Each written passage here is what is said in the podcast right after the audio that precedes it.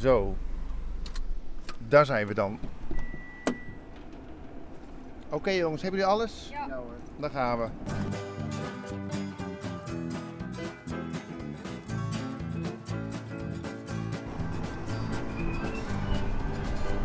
Even kijken, Shelter Jordan.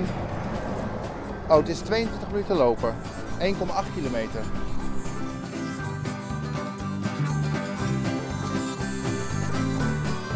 Nou, we zijn eh, op weg naar de Shelter Jordan. We zijn er bijna. Het valt me op dat de stad redelijk rustig is. Het is niet zo druk als normaal. Maar er zijn toch wel wat mensen eh, te vinden.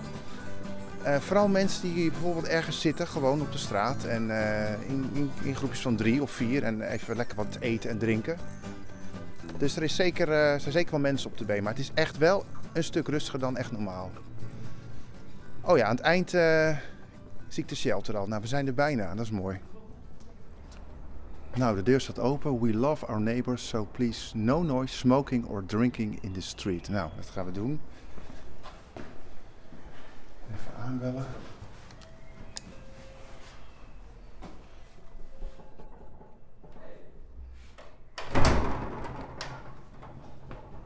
Goedemiddag deze middag. Goedemiddag, deze middag. Ja, en Hans eh, zit er niet bij natuurlijk, hè? Eh, voeten ook niet, want dan gaat het een beetje te hoor. Ja, ja, dat gaat niet inderdaad, nee.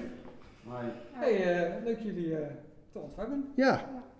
Mag ik een... eh, mag ik een We worden welkom geheten door Paulus, een stafmedewerker van de Shelter Jordan. Vanmiddag zit hij op de receptie van het hostel. Ik heb me dat eigenlijk nooit zo gerealiseerd, maar als je op de receptie zit, ben je het allereerste aanspreekpunt van de gasten. En terwijl we in gesprek zijn over gastvrijheid, hoe het allemaal werkt in een hostel, vraagt een van onze jongens of Paulus wel eens gasten heeft geweigerd.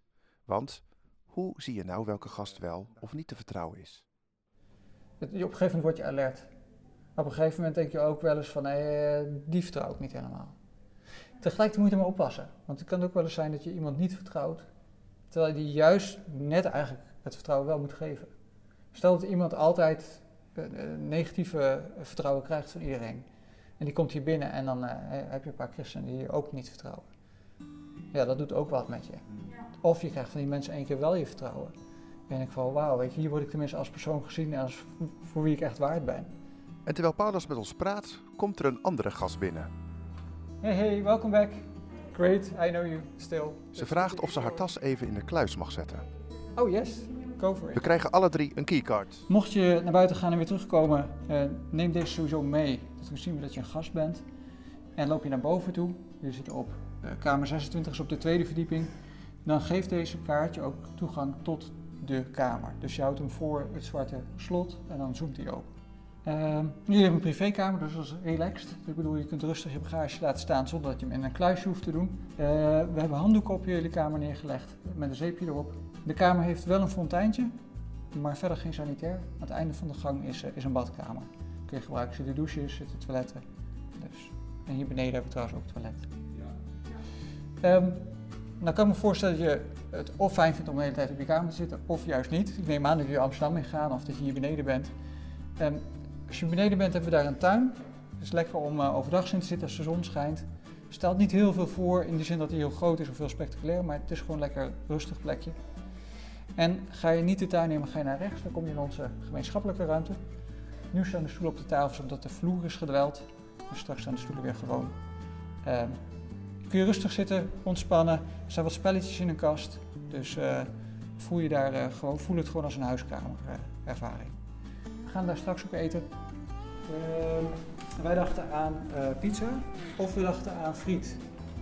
Dus eh, het is aan jullie eh, om een overleg eventjes te bepalen welke van de twee het wordt. Oké, we trekken ons even terug. Nee, een moeilijke keuze. Ik denk wel pizza. Ik denk ook pizza. Ja, lekker. Mooi. Komt ook een salade bij en natuurlijk pizza.